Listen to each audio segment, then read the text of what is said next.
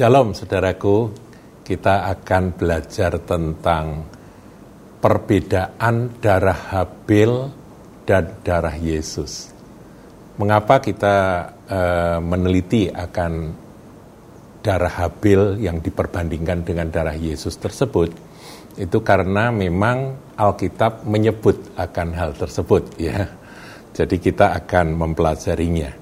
Nah, kita lihat lebih dahulu darah Habel yang tercurah dan ini merupakan peristiwa pembunuhan pertama di atas muka bumi ini dalam kehidupan umat manusia karena Habil mempersembahkan korban dengan iman dan itu berkenan kepada Tuhan maka kakaknya Kain jadi cemburu. Dia marah dan dia ngajak adiknya pergi ke padang kemudian dia memukul adiknya sampai mati. Ini peristiwa pembunuhan pertama, saudaraku, itu tercatat di dalam kejadian pasal 4 dengan judul perikop Kain dan Habel. Satu kisah yang sudah saya dengar sejak saya masih kecil, saudaraku ya. Nah, begini, kita akan langsung aja pada ayat yang kelima supaya gambarannya jadi jelas dari kejadian 4. Tetapi Kain dan korban persembahannya tidak diindahkan, lalu hati Kain menjadi sangat panas dan mukanya muram. Firman Tuhan kepada Kain, mengapa hatimu panas dan mukamu muram? Apakah mukamu tidak akan berseri jika engkau berbuat baik? Tetapi jika engkau tidak berbuat baik, dosa sudah mengintip di depan pintu Kemudian dilanjutkan, ia sangat menggoda engkau, tetapi engkau harus berkuasa atasnya.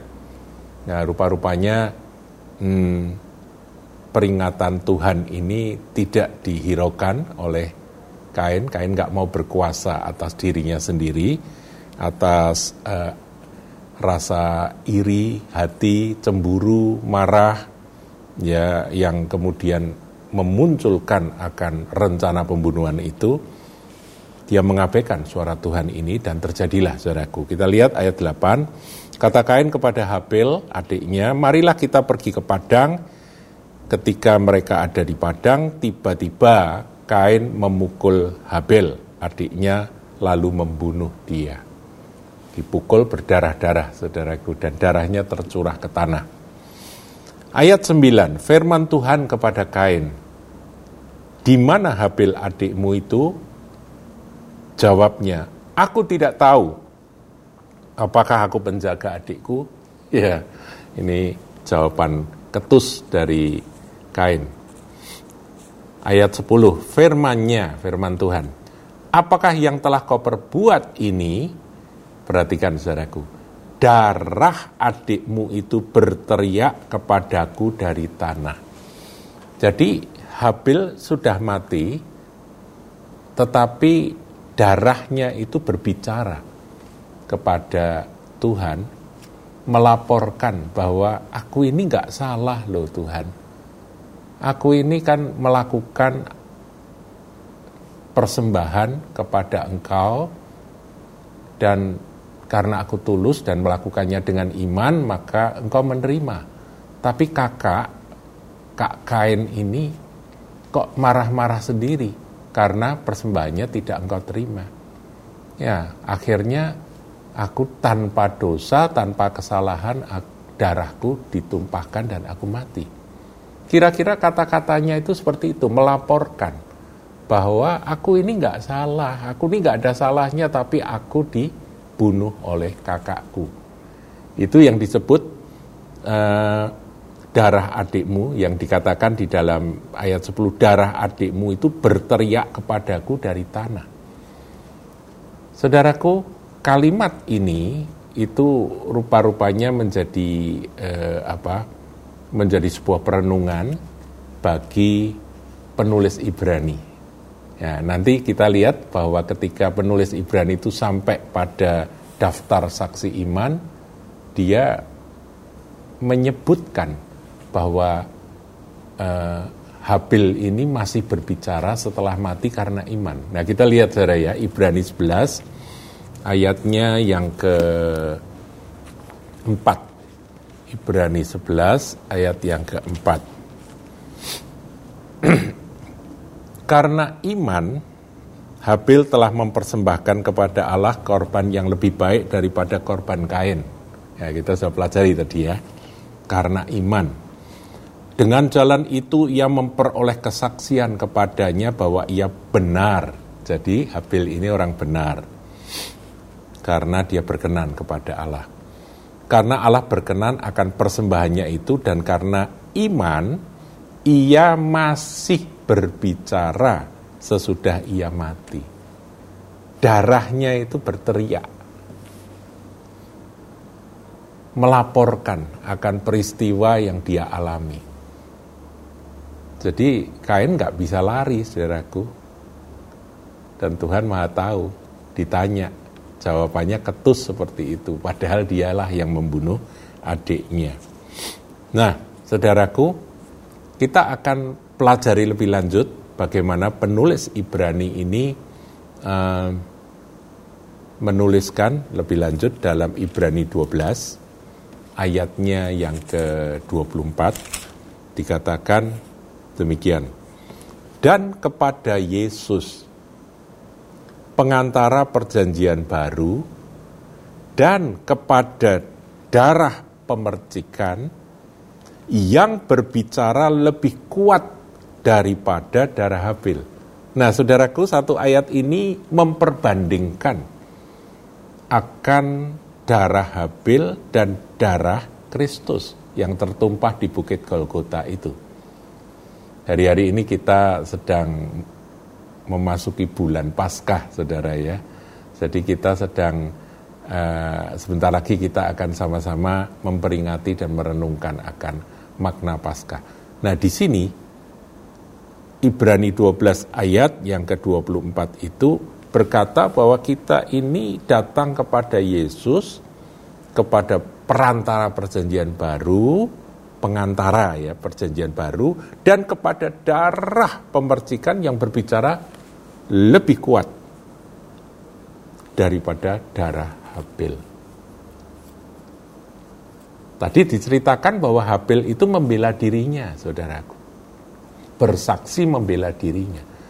Tetapi darah Yesus itu beda. Suaranya itu berkumandang begitu kuat, bukan membela dirinya sendiri. Bukan membela akan Yesus yang tidak berdosa, anak domba yang tanpa cacat celah, yang tanpa dosa, yang dibunuh, saudaraku, Yesus Kristus sebagai anak domba yang tersembelih, yang mati di atas kayu salib tanpa dosa. Darahnya berbicara lebih kuat dari darah Habil karena apa? Karena darah Yesus itu bersaksi bahwa aku sudah mati bagi domba-dombaku. Aku sudah mati bagi orang-orang yang menjadi milik kepunyaanku.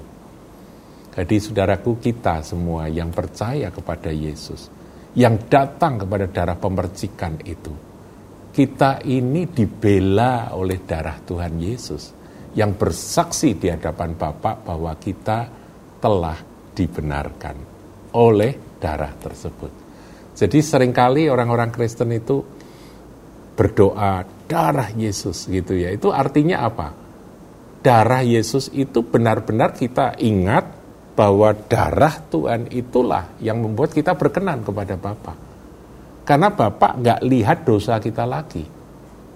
Bapak tidak melihat akan pelanggaran dosa kita yang yang seharusnya membuat kita dihukum, saudaraku. Tidak. Dia hanya melihat darah dari putranya.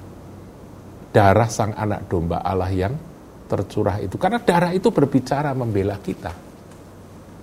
Iblis si pendakwa berkata, dosa manusia ini, dosa uh, orang Kristen ini seperti ini, ini, ini, dosanya begitu banyak. Tetapi begitu ada darah pemercikan itu, darah itu membela. Aku sudah menguduskan dia. Aku sudah menyucikan, aku sudah membasuh dia. Nah, saudaraku, inilah pengertian dari kuasa darah Yesus Kristus Tuhan kita yang berbicara lebih kuat dari darah Habil yang hanya membela dirinya sendiri saja. Kalau darah Yesus itu membela akan orang-orang yang percaya kepada dia menjadi milik kepunyaannya, anak-anak Tuhan. Nah kita lihat saudaraku ya, itu uh, kuasa darah Yesus itu tertulis di dalam Ibrani 9 ayat 13-14. Hati nurani kita itu dibasuh saudaraku Coba kita lihat ya, Ibrani hmm, 9 ayat 14. Sebab jika darah domba jantan dan darah lembu jantan dan percikan abu lembu muda menguduskan mereka yang najis sehingga mereka disucikan secara lahiriah. Ini ini ritual di dalam uh, peraturan hukum Taurat, saudaraku ya, ibadah dari orang-orang uh, Israel, perjanjian lama. Ayat 14 itu diperbandingkan betapa lebihnya darah Kristus yang oleh roh yang kekal telah mempersembahkan dirinya sendiri kepada Allah sebagai persembahan yang tak bercacat akan menyucikan apa yang disucikan hati nurani kita dari perbuatan-perbuatan yang sia-sia. Supaya kita dapat beribadah kepada Allah yang hidup. Jadi dibasuh saudaraku, hati nurani tidak lagi menuduh. Hati nurani itu kan untuk e, mengingatkan kita mana yang benar, mana yang salah. Itu dibersihkan, sudah nggak nuduh lagi. Jadi hati kita sudah nggak menuduh diri kita lagi, sehingga kita dengan penuh keberanian dapat menghadap kepada Bapa. Demikian dalam satu uh, Yohanes dikatakan ya saudaraku. Nah, kita coba lihat janji Tuhan karena kuasa darah itu seperti apa. Roma 5, ya ini saya kumpulkan ayat-ayat tentang darah. Roma 5 ayat yang ke-9. Eh Roma 3 dulu saudara. Roma 3 ayat 25 itu bagus sekali ya. Roma 3 ayat yang ke-25. Kristus Yesus telah ditentukan Allah menjadi jalan pendamaian karena iman. Jadi saudara yang percaya kepada dia, kita diperdamaikan dengan Bapa dalam darahnya. Jadi ketika kita diperdamaikan dengan Bapa, ada harga yang dibayar oleh Kristus, yaitu darahnya.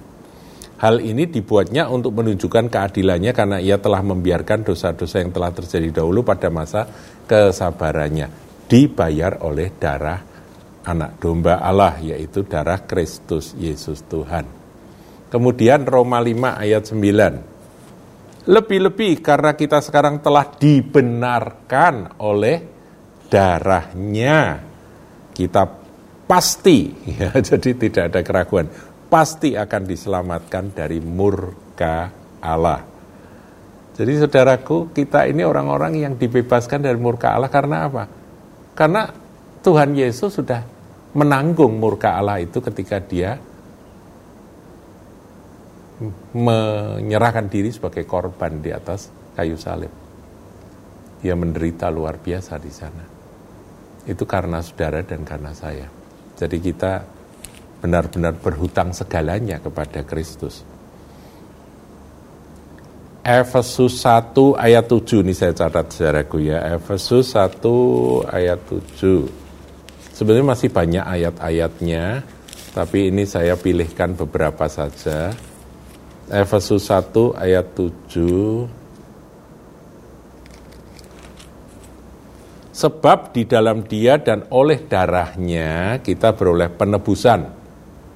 Oleh darahnya kita beroleh apa? Penebusan. Yaitu pengampunan dosa kita diampuni oleh karena Tuhan sudah mencurahkan darah darah itu berbicara lebih kuat dari darah Habil dan berkata, aku sudah mengampuni akan orang-orang yang menjadi milikku ini. Menurut kekayaan kasih karunia-Nya.